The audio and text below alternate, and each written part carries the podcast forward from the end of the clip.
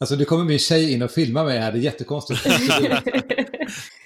Eftersom att jag ser er, då blir man lite så här rädd att någon ska dyka upp bakom dig Elin just nu till exempel. Alltså jag skulle också bli mm. rädd om någon dök upp bakom mig, för det, det, är ingen annan hemma just nu. Dessutom är det här att vi normalt aldrig pratar i mun på varandra. Det kommer vi göra hela tiden nu för att det är lite fördröjning. Det här är Fighterpodden. Ladies and gentlemen, I'm not surprised motherfuckers. Touch gloves. Get ready for war. Uchimata! And ladies and gentlemen, the mauler, Alexander Gustafsson. Oh my God! Double leg. He just got double leg. I'm gonna show you how great I am. Jajamän, det är Fighterpodden som ändå kör trots dessa märkliga tider. Det är avsnitt nummer 69! Ja, där märkte du direkt som lyssnare att något inte stämmer. Och det beror på att vi är på varsitt håll eftersom det då är karantänspodden kan man säga. Jag är hemma. Var är du Elin? Jag sitter hemma på telefonplan. Hemma? Hemma. Det är där jag spenderar min allra mesta tid just nu. Jag vågade mig ut och gick till Coop igår för att försöka köpa chips eller godis, men det, det fanns ingenting. Det var slutsålt. Ja, det fanns några så här riktigt keffa jalapeno poppers kvar, men det märktes bara att det, det var ingen som ville ha dem. Det var därför de fanns kvar. Så jag gick hem lottlös. Det var det och salta pinnar, det var det enda som fanns. Simon, var är du någonstans? Jag är också hemma. Eh, I vår affär här, eller våra affärer här nära, så finns det däremot massa varor och allting. Så att, kanske jag ska flytta hit istället, mm. Elin. Eh, jag kanske ska ta mig en tur till Liljeholmen. Det är ju bara en typ 20 minuters promenad dit. Så om det finns chips där så kanske jag kommer det dit. Det gör det. Det gör det. alltså det här är lite, lite internt jag ska säga, men vi sitter alltså och sänder via ett dataprogram där vi ser varandra i bild. Fast Simon, jag ser ju dig då Elin, för du är rörlig, jag är rörlig. Men Simon, han har då inte fått ordning på sin kamera, så han har någon rysk kvinna. Alltså, jag skyller på Mackan, alltså vår producent eh, Marcus Söderström. Det är hans fel att jag är en rysk kvinna ikväll. Kanske från Litauen. Nej, eh, det är väl eh, lite speciellt nu, för det är inte jättemycket kampsport som Nej. faktiskt är live och det händer inte så jättemycket, men det händer en del. Så jag tänker att vi kastar oss direkt in i det, Simon. Simon, det är kampsportsnyheter. Vad är det som har hänt? Ja, ja det är det. Det finns i alla fall lite nyheter som inte är corona, men de flesta är ju baserat på det här coronaviruset. Men eh, UFC har i alla fall ställt in tre galor nu. Och, eh, men de lovar att de ska hålla en gala 18 april. Då är det Khabib Nurmagomedov, Tony Ferguson som ska mötas. Och det kommer att bli utan publik, men de ska hålla den. Det är oklart idag vart de ska hålla den dock. Eh, så att USC 249 ska bli av i alla fall. Tror du att de kommer få en väldigt tuff ekonomisk smäll av det? Alltså det, de lär väl ha hoppats på att sälja en jävla massa biljetter till den galan, för den här har de ju hypat hur länge som helst och det är, vad är det, är det femte gången som de har planerat den här matchen? Jag tror absolut att de kommer få en viss smäll av det. Samtidigt så är det pay per view och de kommer sälja rätt bra man ser till exempel att Netflix går upp otroligt mycket just nu. Viaplay har slagit rekord någonsin. Alltså streamingtjänsterna går verkligen uppåt. Det borde vara samma sak med Fight Pass och eh, pay per view galor Folk vill ju ha någonting att följa. Jag menar, hur är det med radio, Mårten? Går det upp liksom? Ser ni att siffrorna går upp? Ja, det, det gör de. Radion är jättestark och eh, precis som du säger, konsumtionen av Ja, ljud eller media generellt eh, är ju ökande, vilket är fantastiskt kul. Ja, det är ju det. I mitt i all liksom elände så är det i alla fall kul. Och eh, UFC får ju definitivt en stor smäll med tanke på de här tre galorna. Men de skjuter på dem, så de kommer ändå gå någon gång. Och sen kommer det bli gala efter gala efter gala. De har ju lovat liksom att det blir som det var lite i, bör eller början av året, eller tidigt i året, att det var en gala i veckan. Det kommer det nog bli igen, när det här lägger sig. Men jag tänker på den UFC som var precis nyligen, som vi säkert kommer att prata om, där Maleki körde, men det var ju för tomma läktare. Det var jättekonstigt. Det var jättemärkligt verkligen. Eh, tänkte att vi skulle prata jättemycket om den, men det, det vi kan säga i alla fall det var att Bea Maleki vann sin match där. Hon gick ju som en zombie nästan, eller vad säger du Elin? Har du sett den? Jag har faktiskt inte sett den matchen. Jag har bara läst eh, lite kommentarer om den, och det, så jag ska inte uttala mig om den, för jag har bara andrahandsinformation. Ja, men vet, du såg väl den Martin? Nej, jag såg den. Ja, det gjorde jag. Och uh, hon var jätteensidig. Men alltså hon vann. En vinst är en vinst. Ja. Och uh, jag tänker på det här att hon har en thai-bakgrund. Det märks inte mycket. Nej, det gör ju inte det. Hon är världsmästare i thaiboxning, så det är verkligen, det borde synas ännu mer. Men menar, hon är otroligt tuff och eh, bara manglade, bara gick som en zombie liksom. Och det, jag tror att det, det har med det här, man tyckte man kände på matcherna nu när det inte var någon publik att det är någonting som saknas när inte publiken är där. Det blir inte någon hype liksom. Det är svårt som fighter att hoppa upp på eh, buren och liksom sätta sig, alltså det är så här, det finns ingen publik att spela med. Det här är en publiksport. Men tror du inte att det till viss del kan vara till fördel också om, det, om man tänker på de som kanske har nerver och tycker att hela den biten är svår. Det är väl kanske inte jättemånga i UFC som gör det, men eh, det här var ju en lite mindre gala. Det kanske är några fighters som är lite mindre rutinerade. För de kanske det bara var skönt att det inte var en jäkla massa folk där. Så kan det nog vara och jag tror så här att de första, det var ju väldigt många matcher som gick till domslut på den galan för, tills vi kom till slutet. Och det, det påminner lite mer om en boxningsgala som Senan och Sasha pratade om att de är väldigt top-heavy. Och det kändes lite så med den här senaste galan. Ännu mer tror jag för att det inte var någon publik. Men jag tror den här galan, 18 april, den kommer inte bara vara top-heavy. För det finns jäkligt bra matcher på det kortet. Jessica Andrade som kommer eh, göra en rematch mot Rose Namajunas. Bara det tycker jag är ashäftigt. Jag vet inte om ni kommer ihåg, det var 11 maj 2019 när de möttes sist. Och Andrade vann där på en slam. Eh, Rose har inte gått någon match sedan dess. Det var då hon blev spikad mer eller mindre på nacken, eller hur? Ja, och sen, ja, det, är, det är ett år sen då. Det blir en häftig rematch. Vet vi var den här galan kommer gå någonstans? Alltså 18 april, men vet inte var det kommer vara någonstans än. De säger att det är klart vart den ska gå någonstans, men de har inte gått ut med vart. Och det är lite så här, ja, egentligen spelar det inte jättestor roll. Det mest troliga är ju att deras galor kommer hållas någonstans i Las Vegas. Det är ju deras, det är USAs hemmaplan. Eh, och så, men eh, deras, alltså kommissionen där har haft svårt. De skulle ha möte idag och de skulle, jag tror att de skulle ha möte igår också. De har varit tvungna att ställa in sina möten och det är lite det kan ge lite problem, men det är så här behind the scenes problem som inte vanliga fans behöver bry sig om.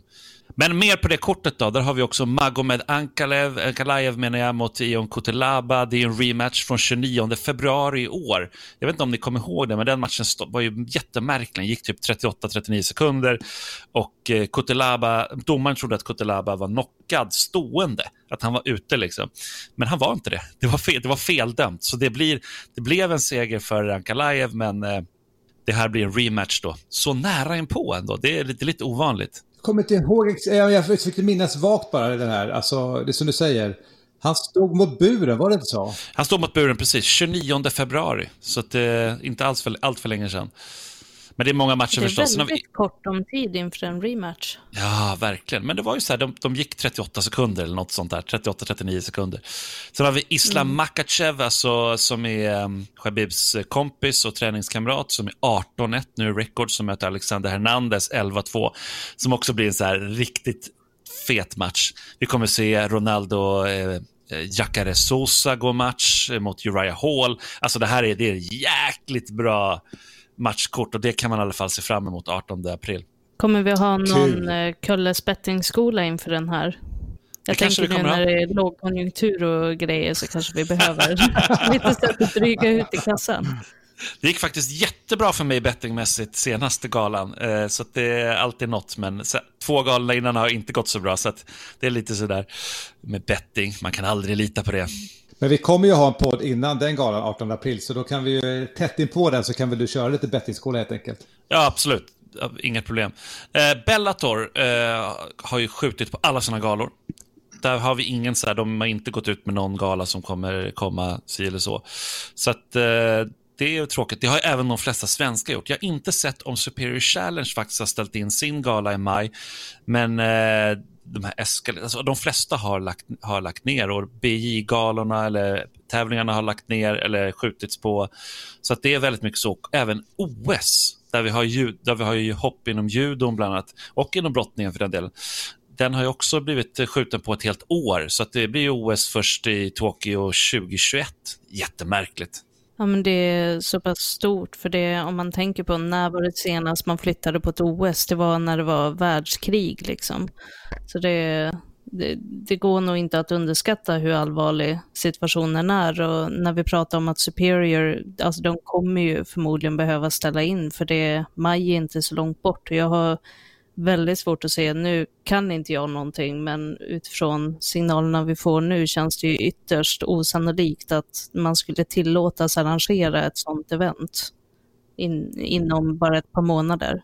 Ja, men det är ju helt galet, eh, som du säger Elin, det var liksom sist när det var världskrig. Och vi, så Superior Challenge ligger ju risigt till alltså i maj och jag vet inte, vad tror du Elin om den? Jag, jag har jättesvårt att se att den faktiskt kommer kunna bli av med tanke på att vi nu har de restriktioner som är att du inte får arrangera större event. Alltså, jag har jättesvårt att se att någonting skulle ändras så pass drastiskt att fram till maj så att det skulle vara okej okay att anordna. Det kommer nog dröja några månader innan någonting händer. Alltså, som sagt, jag kan ingenting om det här, men jag skulle bli ytterst förvånad om det skulle ha lättats på innan sommaren.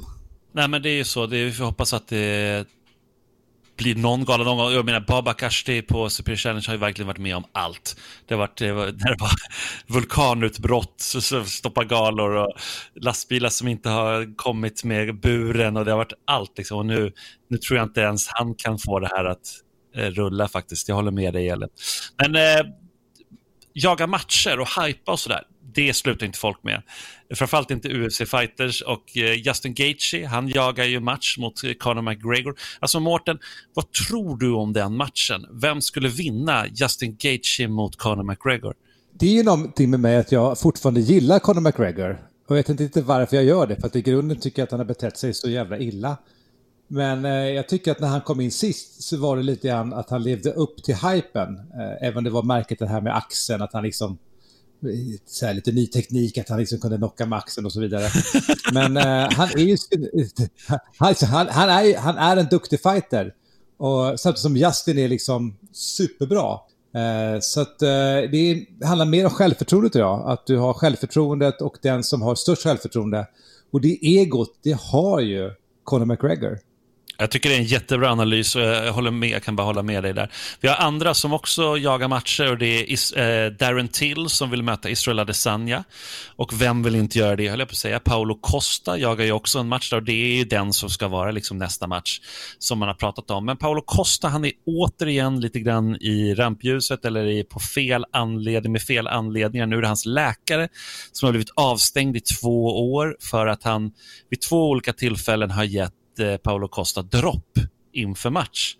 Eh, precis alltså innan då för att återhämta sig vid en tung bantning. Alltså Elin, eh, jag vet inte exakt hur mycket du vet om det där med dropp, och, men så här, du vet ju mycket om att banta och det alltså i, i, i matcher. Vad, är det farligt? Varför har man dragit in att man inte får köra med dropp? Alltså jag, jag tror att anledningen till att man har dragit in det är helt enkelt för att det det gör ju att folk tar mycket större risker i sin bantning. För, om du, du, för du kan inte återföra vätska till kroppen eh, genom att alltså, dricka det när du har gjort en väldigt stor vätskeförlust. Och de här stora vätskeförlusterna är ju en av de farligaste sakerna som du kan göra inför en match för hur din kropp hanterar det och framförallt hur din hjärna hanterar det. För förlorar du mycket vätska så händer det. Så jag tror att det helt enkelt är på väg, även om det bara är koksaltlösning och vätskeersättning på det sättet, så tror jag att det är på väg in att klassas som performance enhancing. Och det, jag tror att de stoppar det för att de vill undvika att folk ska göra väldigt riskfyllda viktnedgångar. Man kan ju också säga till de som lyssnar att är man inte insatt i det här så är det ju extremt. Alltså de som kanske tävlar i, säg att de tävlar i 77 kilo Eh, alltså de kan ju, alltså från dagen innan när det är invigning, eh, invägning menar jag, i MMA, så kan de ju skilja kanske 10 kilo, ibland mer. Alltså du helt enkelt eh, bantar, eller går upp 10 kilo i vikt på ett dygn. Det är ju osannolikt vilken vätska man då har tagit bort från kroppen. Och just det du nämner Simon med Paolo Costa, det, jag var inne och tittade på hans Instagram för ett tag sedan och där har han ju till och med lagt upp bilder med, där han skryter om hur mycket viktskillnad han har på invägning och dagen efter på match, där skiljer mer än 10 kilo. Så ja, det, är lite, det är inte så konstigt då att det kommer fram att han har en läkare som har försett honom med dropp efter det. Det är helt galet och det är, nu får vi se, nu blir han avstängd läkaren två år och jag menar det, ja, det, många har ju sagt att Paolo Costa, han ser ju ut som att, du har ju sagt det flera gånger Mårten, att han ser ut som att han är dopad. Alltså, du bara, det, är, det är bara frågan om hur mycket och när, sa du någon gång tidigare. Och det är väl lite så. Ja.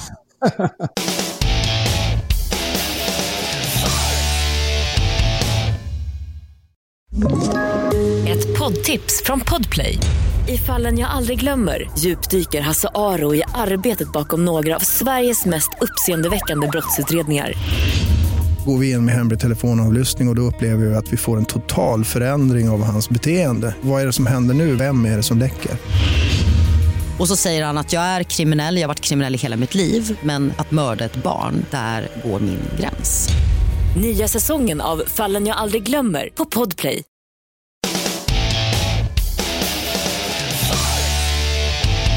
Men om vi går vidare så, du, du nämnde där Elin att Kampsportsgalan tyvärr har blivit inställd och det blev det nu. Men jag tänkte att vi ändå ska prata lite om, för det var ändå kul att man lyckades genomföra en video som var jättebra producerad tycker jag. Musse Hasselvall, Mona Lundqvist på eh, kansliet som eh, skötte den. Eller skötte kanske inte själva inspelningen, men var i rutan så att säga. Och där hade vi årets traditionella utövare så vann ju Jesper Waldestål, inte helt otippat. Det kanske är dags för att vi har honom eh, med, oss någon gång i, i podden. Jag vet inte Mårten, vad, vad vet du om Jesper Waldestål och Aido? Ja, alltså jättelite, förutom att jag tycker i är, alltså det är lite kul. Det, alltså, det handlar ju om att kunna hantera ett svärd helt enkelt. Det går ju tillbaka till samurajerna, 1600-talet. Det är coolt. Vad säger du Elin om det? Du satt ju i juryn så att jag tänker att men nu kan vi ändå uttala här lite tänker jag om, om eh, de olika... Nu kan jag äntligen prata. Även, eh, alltså det jag tror skulle vara intressant med att ha Jesper med, det, det är att jag tror att jag och väldigt många har väldigt, väldigt dålig koll på Iaido som idrott. Eh, det, det kan jag säga med helt öppet hjärta att jag kan väldigt lite om det och jag ska också säga att det, det är en av de svåraste kategorierna tycker jag. Eh, årets traditionella utövare, för det, det är ganska enkelt när man sitter och tittar på en kategori som årets mästare eller årets mästarinna, för där är kriterierna så pass klara. Den tyngsta titeln eller medaljen, gärna internationellt, det är det som gäller. Traditionella utövare, det, det är lite mer finlir skulle jag säga att försöka utröna. För det, det är många av idrotterna som jag kanske tycker är traditionella som inte själva identifierar sig som det. Så mm, den är svår. Jag får bara säga när vi pratar om Aido, alltså, ni måste ju söka upp det klippet, den där killen. Jag, ska säga det, jag, jag har sett Aido, eh, alltså utövare som drar svärd och har tagit bort pilar som skjuts mot dem. I verkligheten har jag sett det. Ja. Alltså när du i draget, ja, ja. Men det finns en kille på nätet, han gör exakt samma sak. Han drar svärdet ur skidan och tar bort en pistolkula. Alltså det här har ju varit, ja det är helt sjukt. Jag tror att det ligger under den här Stan Lees Superhumans hette det. Det låter ju töntigt nu för man tänker att det är superhjältar. Men, men han, han vill ju hitta riktiga superhjältar i världen. Så det finns en serie där de åker runt och hittar människor som har enorma förmågor. Och då är det en kille som alltså är idrottsutövare som hävdar jag kan alltså undvika en kula genom att dra svärdet. Så de filmar det här då i super, ja vad heter det, ultrarapid va? Mm. Eh, och du ser, alltså han lyckas ju dra svärdet och träffa kulan så att kulan har alltså ett hack i sig. Helt osannolikt. Gud vad häftigt. Det måste ni söka upp, apropå AI då. Kan Jesper göra det tror vi? Jag tänker så här. Ja, vi har sänkt honom. Men jag tänker också så här när det gäller eh, traditionella där som du pratar om Elin, att det är lite så här, antingen så, Jesper har ju vunnit tävlingar, så där finns det även tävlingsbaserat så här, att han vann det här och då är han naturlig att vinna. Sen den andra kategorin, det kommer jag ihåg att vi diskuterade när jag var i juryn en gång, eh, jag blev aldrig med inbjuden, jag brukar alltid tjata om det.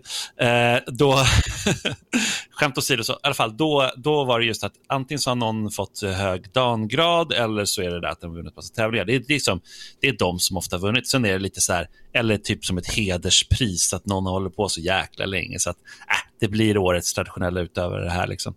Men det vore kul om det någon gång var en ung, yngre person som inte har vunnit en täv stor tävling, men som liksom förkroppsligar hela budo-andan på något sätt. Det skulle vara väldigt häftigt att, att se faktiskt. Men eh, vi kan gå vidare Mm. faktiskt, tänker jag, eh, så vi inte stannar där. Fredrik Widgren, eh, jujutsu, eller som Mårten alltid säger, sport-jujutsu. Han blev årets mästare. Ja. Eh, han hade vunnit ganska stora tävlingar, var det inte så Elin? VM typ? Jo, han tog ju VM-guld i sin klass och det, det är jävligt stort. Det, det är ju ganska tuff konkurrens där också, så det, det är en riktig bragd och det, det är ju lite kul. Vi hade ju hans träningskompis slash arch enemy William Seth Wenzel med i podden för typ ett år sedan. Eh, och då hade ju han vunnit VM-guld i den klassen. Sen gick ju William upp i en högre viktklass i år och då klev Fredrik in och jag tror att det var i samma klass som William tog förra året. Men de två har ju alltid liksom gått neck and neck där. Det är häftigt alltså. Det, att vi har så jäkla bra jujutsu-utövare. Alltså det, Nakadojo är ju en stor eh, anledning tror jag till det, men såklart det finns andra klubbar i Sverige med jujutsu. Alltså det har ju alltid varit ett starkt jujutsu-fäste i Göteborg också. Visst stämmer det, Mårten? Ja, men det stämmer. Jag tänker också, som du säger, nu gick jag tillbaka till Nakadojo direkt. Där. Det är ju så att dels eh, Karneborn, Rickard då, som är väl någon form av huvudtränare där, men även Musse Hassevall körde ju sportjutsu en gång i tiden, vad jag förstått. Han var, placerade sig på EM. där. Vet jag. Han placerade, jag tror att han fick brons på EM eller om det var silver till och med. Men Ralf Karneborn får vi inte glömma heller och sen även han Ingmar Sköld som ju var lite den Ja. som är liksom gru, grunden för Nakadojo. Han nämns inte tillräckligt ofta tycker jag, men, men eh, han är helt klart en, en anledning som de har byggt Nakadojo Mm. på. Sen hade vi Josefin Breisch som vann eh, årets förebild. Det var en person som jag inte kände till innan. Eh, MMA, jag vet att hon har hållit på med MMA i alla fall, men hon har dragit igång massa tjejgrupper, Elin, och eh, fått massa tjejer att komma till MMA och röra på sig och allting. Berätta lite om det. Nej, men eh, jag hade samma känsla som du. Alltså, jag kände inte till Josefin sen innan. Sen eh, fick vi ju höra om henne, dels för att hon nominerades, men också så uppmärksammades hon av, eh, i, om det var, nu kommer jag inte ihåg exakt, så kanske inte citera mig på det här, men jag tror att det var Gästriklands tidning eller någonting sånt som uppmärksammade ju och det, jag kan tycka att det är väldigt kul att vi, att vi får möjligheten att lyfta någon som så många i, i vår, vårt lilla community kanske inte har hört om än, som ändå gör väldigt mycket bra för idrotten och får in nya personer dit. Och bara det att eh, jag tror att hon är tre eller fyrbarnsmamma också och lyckas hålla igång det och träningen och har tävlat. Och hon, hon, ja, hon är en förebild. Det, det kan jag skriva under på. Wow. Ja, nej, men det, är- det är häftigt faktiskt. Sen har vi hederspris och då var det inte en gammal eh, gubbe eller tant den här gången för en gångs skull, utan det var Alexander Gustafsson som vann den. Och det är ju så här, jag tyckte det var en jättebra motivering och jag menar Alexander Gustafsson har ju verkligen eh, gjort otroligt mycket för svensk kampsport, inte minst för MMA, men jag tror att han har dragit uppmärksamhet till hela kampsport-Sverige egentligen. Eller vad säger du Mårten? Det är ju liksom... Ja, vi, vi pratar ju om det och jag menar ju att hela hans framgång har liksom spilt över. Vi pratade om det i förra podden, att det spelar över på till exempel boxningen.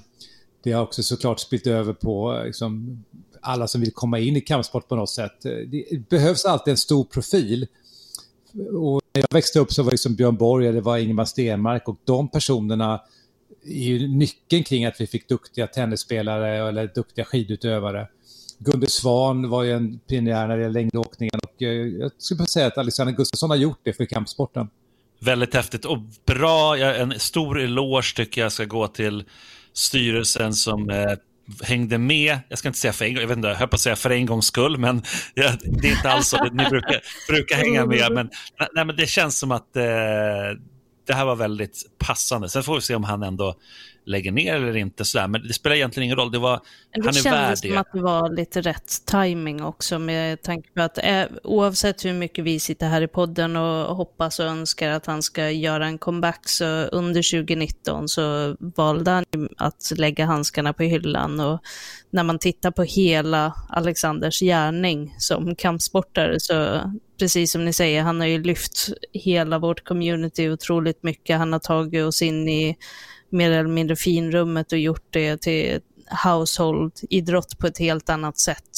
Så nej, Alex betydelse kan inte eh, skrivas ner på något sätt. Ja, det är väldigt häftigt. Sen hade vi Allan eh, Finfo do, do Nascimento som är en fantastisk BI-spelare som också är tränare på bland annat, tror han är tränare på flera ställen, men bland annat på Allstar i alla fall, som vann Folkets pris. Väldigt kul. Han har vunnit förut ju, eh, årets kampsportare om jag inte minns fel, tror jag han har vunnit, eller om det var årets mästare, jag kommer inte ihåg. Det var årets kampsportare han har vunnit.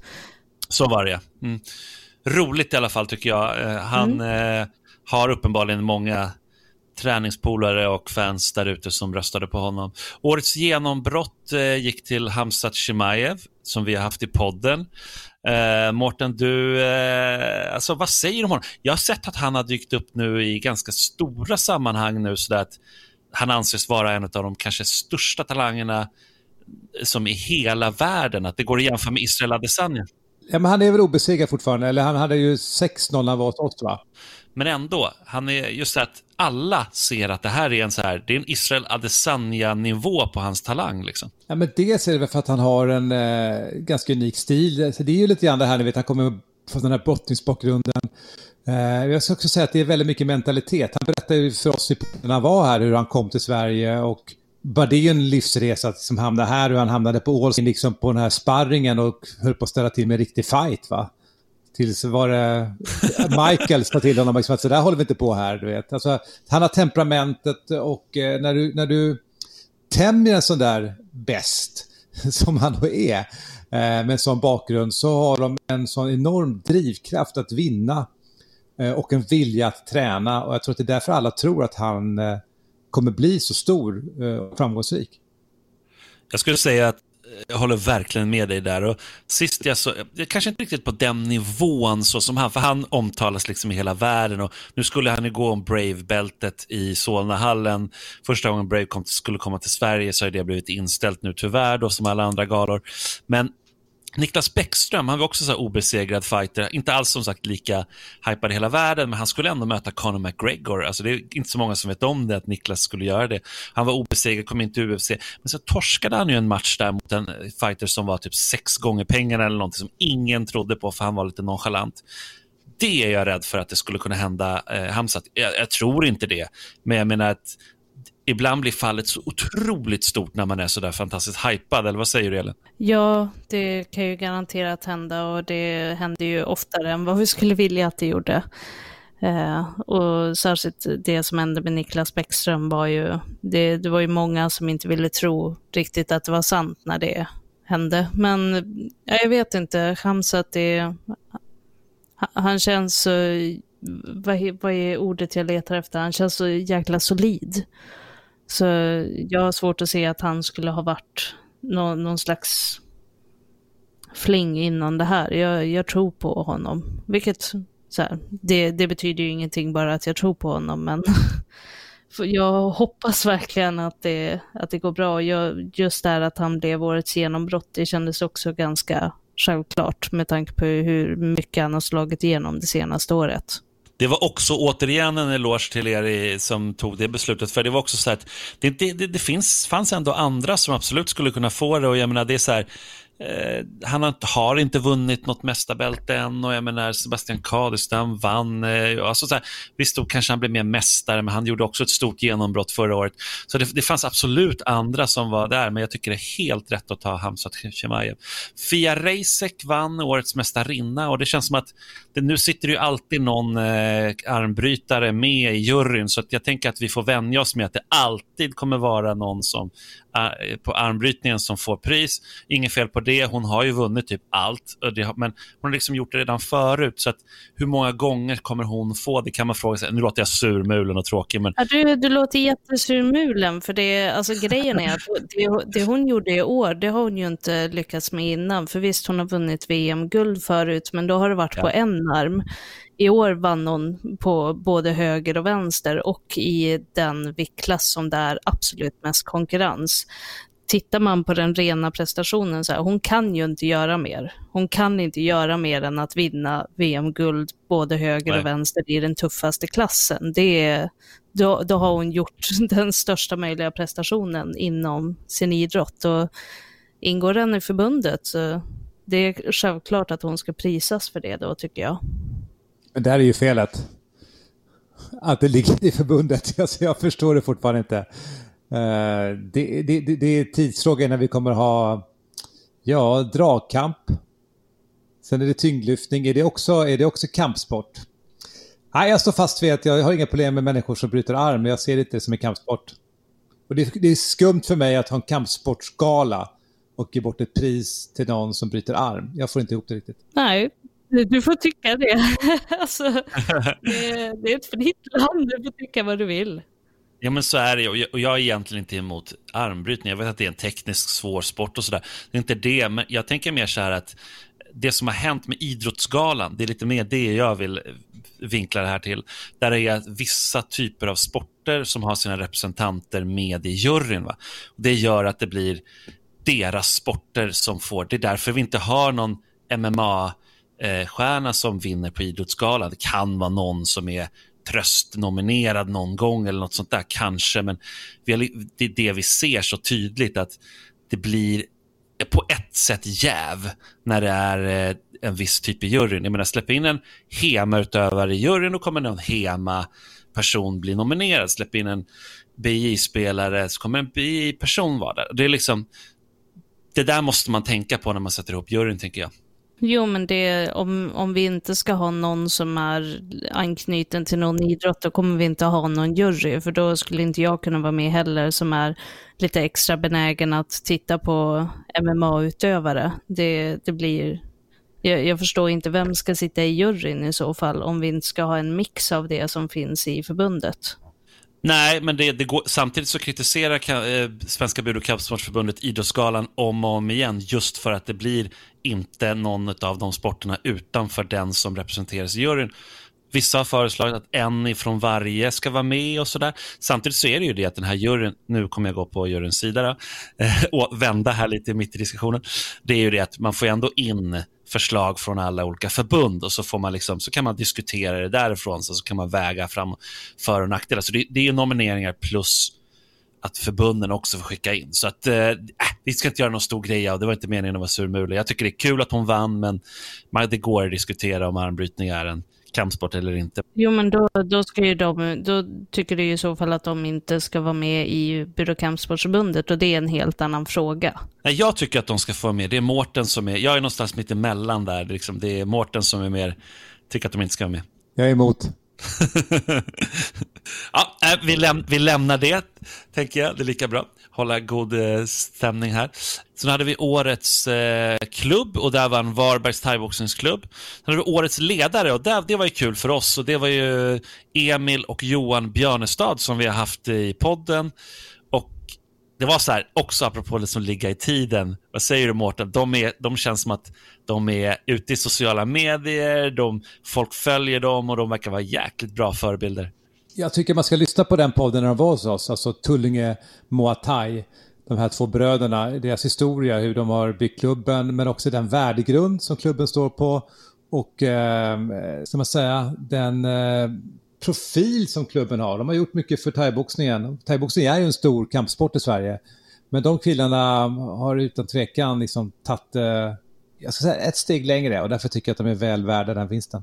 Ja, så vad säger du Elin om, om dem och deras framfart? Var det ett svårt beslut att välja dem? Nej, alltså de har ju utmärkt sig ganska mycket det senaste året med, förutom att de driver en bra klubb och får fram flera som också blir tävlingstalanger, så gör de ju ganska mycket arbete för eh, psykisk hälsa och arbetar mycket med de bitarna och det det, det, tycker jag är värt att lyfta. Att de har ett så starkt engagemang, inte bara för att här, ta fram folk som kan ta medaljer, utan också att arbeta med hur folk mår och se till att det finns en plats för dem också. Ja, men verkligen. Det är grymma, grymma killar verkligen. Sen, sist men inte minst så hade vi årets kampsportare och där var Josefin Lindgren Knutsson som, hon är på de stora galorna i Japan, hon vinner och ja, hon torskade igen där, men det var ju kontroversiellt som fan. Eh, känns som att eh, helt rätt val också. Hon, gjorde så, hon, var, hon skulle också kunna varit genombrott, men det har väl hon redan vunnit året innan det tror jag. Så det är så här, eh, hon är ju verkligen eh, en person som kommer vara nominerad många gånger tror jag till innan hon lägger handskarna på hyllan. Eh, det var väl lite alles när det gäller kampsportsnyheter. Det är inte så jäkla mycket just nu, men vi fick ändå snacka lite om det som har hänt och sådär. Komma skall, vi får väl följa vidare utvecklingen, får vi se vad som händer i kampsportsvärlden.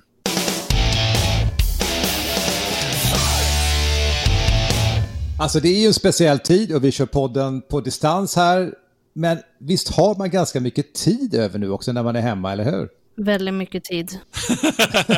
alltså det, det, men samtidigt så känns det som att dagarna bara flyter ihop och försvinner. Jag vaknar på morgonen, brygger kaffe, sätter mig vid köksbordet, sitter och jobbar tills, tills det blir kväll och bara ah, okej, okay, nu är det kväll, nu, nu är den här dagen mer eller mindre klar. Man har inga, ingen klubb att gå till och träna på, inget. Nej, det, det känns som man inte gör så jävla mycket just nu. Jag gör alltid mycket ändå. Alltså, jag jobbar ju ofta antingen hemifrån eller på studion och sådär.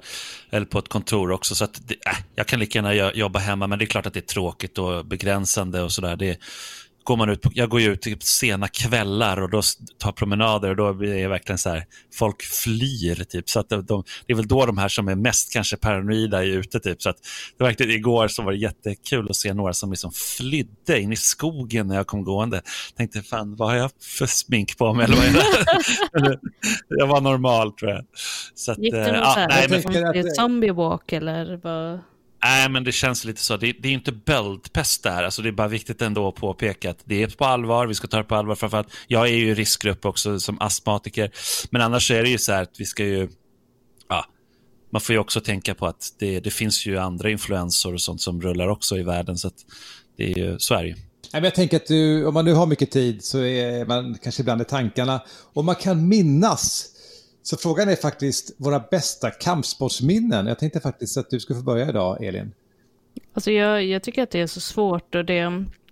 Jag är inte så bra på att göra det här på kommando, liksom här, nu, minns någonting. Däremot så, det har ni märkt, Nej, men så här, jag lovar att ni har märkt det när vi sitter och spelar in poddarna, att vi börjar prata om någonting och sen så här svävar jag iväg lite med blicken och bara, ja men jag kommer ihåg den där gången när Brandon Vera var med på ett läger som jag var på. Alltså jag kan börja prata på det sättet väldigt lätt. Eh, men en sak som vi, när du och jag snackade lite innan Mårten, en, en grej som jag, jag tror att jag aldrig kommer glömma, det var när UFC kom till Sverige första gången. Eh, dels så var ju hela organisationen och alla de var ju väldigt ovana vid den här svenska publiken som sitter så här tyst och tittar noga och så här klappar fint när någon gör någonting bra. Men och jag tror att det var i en av de första matcherna när eh, Papi Abedi gick. Och det här var ju första gången som Unified Rules var på svensk mark. Eh, vilket betyder då att det var första gången en match var, gick i Sverige där armbågar var tillåtet. Och så är det den där stämningen i Globen, det är helt knäpptyst och alla sitter och tittar ganska noga. Och sen är det någon tjomme långt ner som skriker Armbåge! Och det hördes i hela Globen och det hördes att han hade druckit lite för mycket öl och man hör hur folk börjar så här fnittra överallt. Bara och tyckte att det var ganska roligt. Och, och sen blev, alltså jag har ju gått på ganska många galor efter det och ofta är det någon som ropar det. Och det, det är färre och färre som förstår det där interna skämtet. Men när det var typ andra UFC-galan, då var det jättemånga som skrattade åt det, för de kommer ihåg första galan. du ihåg det här Simon? Jag kommer ihåg det. Alltså, alltså det hela liksom grejen, jag spinner vidare lite på det här med första, när UC kom till Sverige. 14 april 2012 var det, eh, år, eh, om jag inte minns fel. Eh, jo, oh, jag minns inte fel. Eh, just det, Alexander Gustafsson skulle möta Thiago Silva, tre ronders fight.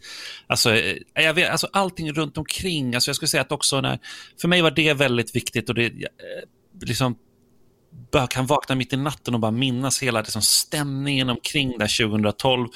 Eh, det var liksom ett ganska mörkt år för mig. Jag skilde med det året och allting. Men just det där, det var liksom en ljus, ljusglimt som jag verkligen minns tillbaka på med glädje. Och det är så här, Fight of the Night gick ju till Brad Pickett mot eh, Demarcio Page. Men eh, Pickett, jag vet inte om ni kommer ihåg det, det är länge sedan nu, åtta år sedan, men han vann ju på en submission där. Och sen så, eh, men det, för mig var det Reza Madadis vinst på giljotin i andra ronden mot Josilando eh, Isquerdo eh, som eh, han hette från Kuba. En grym eh, fight, stående fighter framför allt. Och hur Reza Madadi, alltså, det var på underkortet men det, alltså, livet och det liksom ljudet som kom när han vann, alltså det, det fick ju det fick en att få gåshud och liksom det enda som har slagit det som jag varit med om någon endaste gång någonsin, det var ju när Alexander Gustafsson gick ut alltså för att möta, tyvärr förlorade han då mot eh, till, eh, den här klassen när han kommer in med Zlatan-låten i Tele2. Liksom. Och då mm. svimmade, jag har sagt det förut, då svimmade ju journalisten bredvid mig i min famn. För det var sånt jävla tryck på arenan. Det, det, det typ det enda det är typ det enda som, som man kan mäta sig mot det när äh, Reza vann där, eller när Reza vann mot Michael Johnson. Alltså det var också sån här otrolig känsla. Jag tyckte det var så, så kul det där att när den galan som gick på Tele2 Arena, för bara för kanske ett, ett par veckor sedan så fick jag upp ett, ni vet när man får de här minnena på Facebook, så fick jag upp en, en status jag hade skrivit för typ tio år sedan, där eh, det hade varit en gala i Australien som sändes klockan 11 på morgonen lokal tid för att passa för den amerikanska marknaden. Och så skrev jag, jaha, men betyder det att om UFC kommer till Sverige så kommer den sändas fyra på natten? Och det var så många som kommenterade, bara, nej det skulle de aldrig göra och det var många som var väldigt förvirrade om tidszonerna, bara, nej men det betyder att det blir på eftermiddagen i Sverige och det var jättemycket förvirring där, men det, sen blev det ju att den faktiskt sändes fyra på natten. Och det är just det här du beskriver när Alex går in och du, både du och jag Simon var ju press då. Ja, ja. Och man hade varit vaken så länge.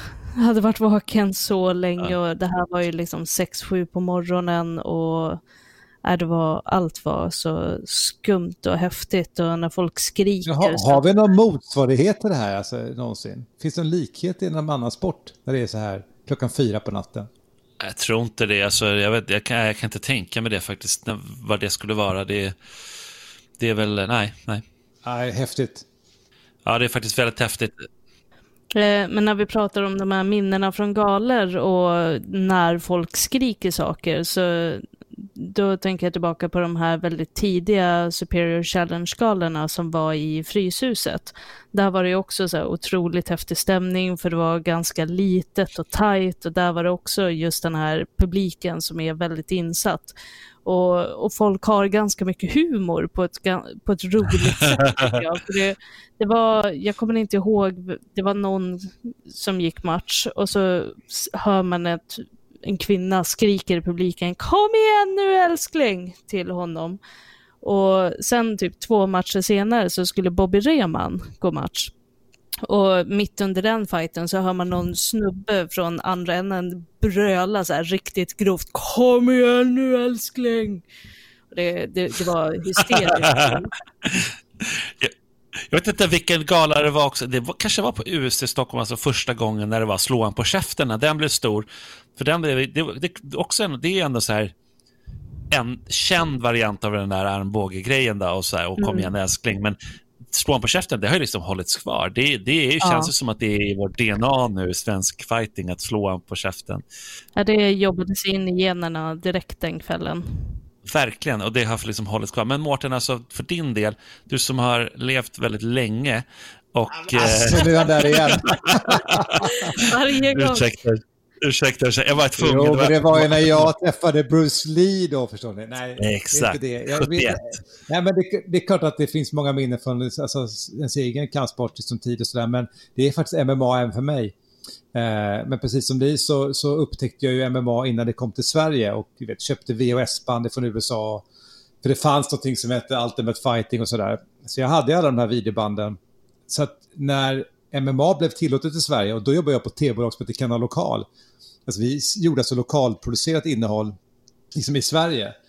Och jag bara, det ska vara en MMA-gala i Lisebergshallen. Det var alltså The Zone 2. Eh, den måste vi sända på vår tv-kanal och det var, var ingen, alltså de trodde att jag, var, att jag var alltså, tappat förståndet. Hur ska vi på en lokal tv-kanal sända liksom, brutal kampsport? Och jag, bara, jag, är helt, jag är säker på att det här kommer bli hur stort som helst. Så vi gjorde ju alltså, vi gjorde ju upp en deal då och det var ju så jag hamnade själv i det här att börja kommentera MMA för att någon skulle då kommentera den här galan. Och så tänkte jag, okay, jag kan ju vara programledare, så fick jag en kille som heter Marcus Hjertstam som då jobbade för de här Fighter Center, Gladys MMA, som blev min högra hand. Och så började vi kommentera. Och på den galan, det är då som eh, Alexander gör sin andra match. Och han möter en italienare som eh, ser livsfarlig ut, som heter Matteo ja, Minonzio. Heter han. Ja. Du vet vem det är? Jag vet, jag träffat honom. Eh, han är så, ja, men stort Lazio-fans, fans, vad heter han? Han står så här, vet, hela ryggen är väl typ eh, någon, eller ja. bröstet han har.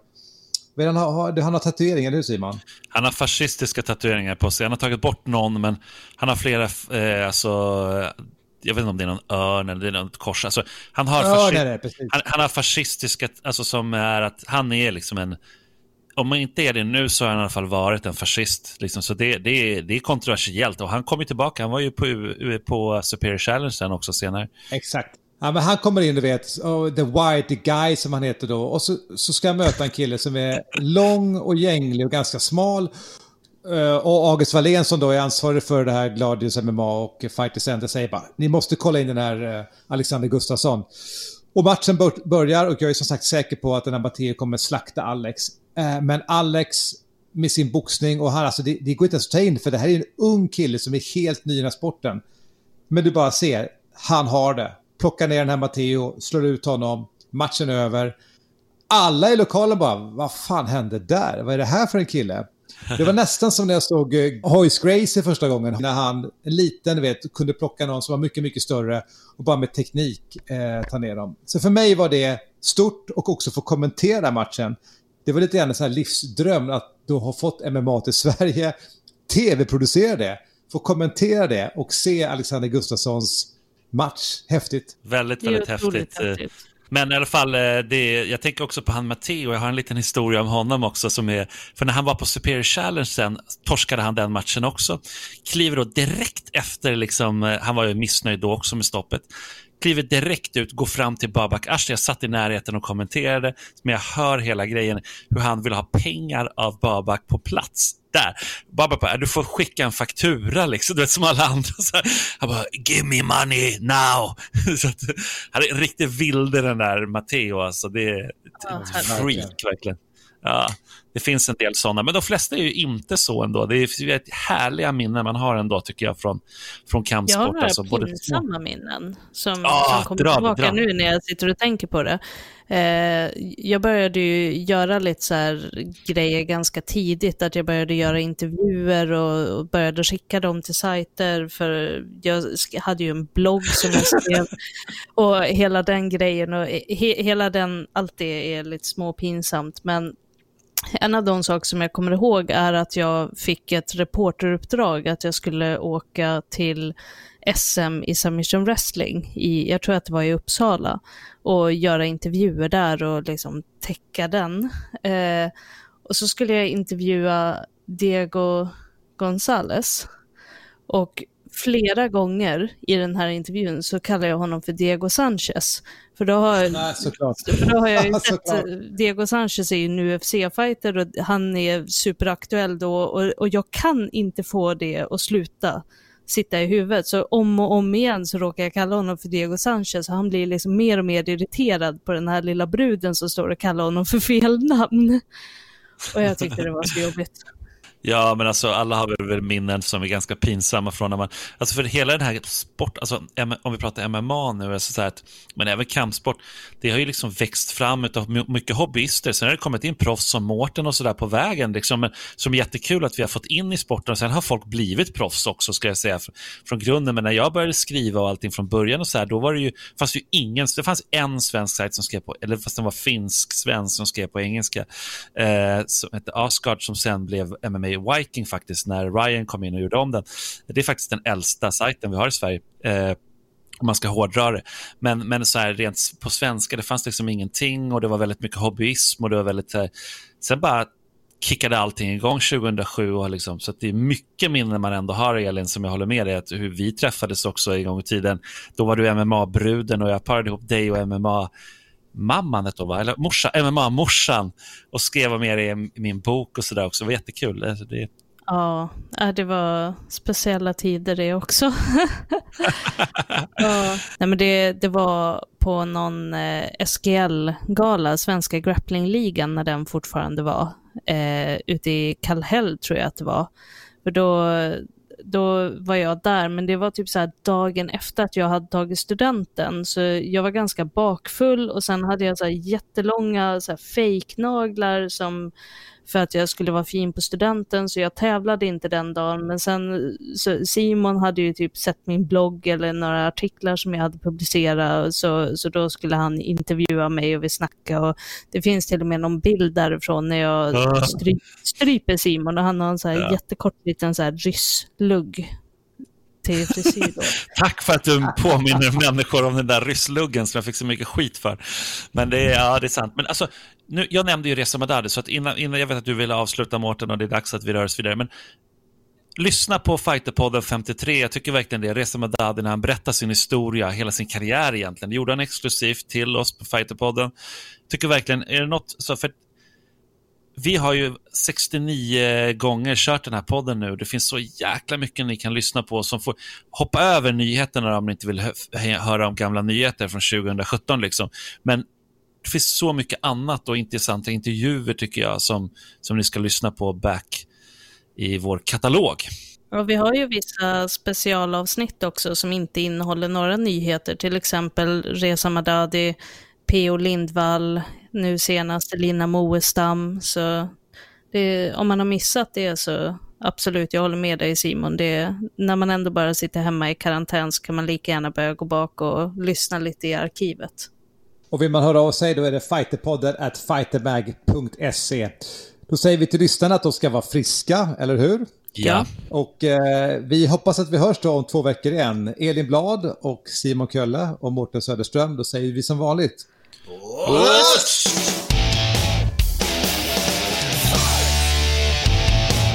Fighterpodden produceras av Suba Media för Radio Play. Ett poddtips från Podplay. I podden Något Kaiko garanterar östgötarna Brutti och jag, Davva, dig en stor dos skratt. Där följer jag pladask för köttätandet igen. Man är lite som en jävla vampyr. Man har fått lite blodsmak och då måste man ha mer. Udda spaningar, fängslande anekdoter och en och annan arg rant. Jag måste ha mitt kaffe på morgonen för annars är jag ingen trevlig människa. Då är du ingen trevlig människa, punkt. Något kajko, hör du på podplay. Därför är gardinerna.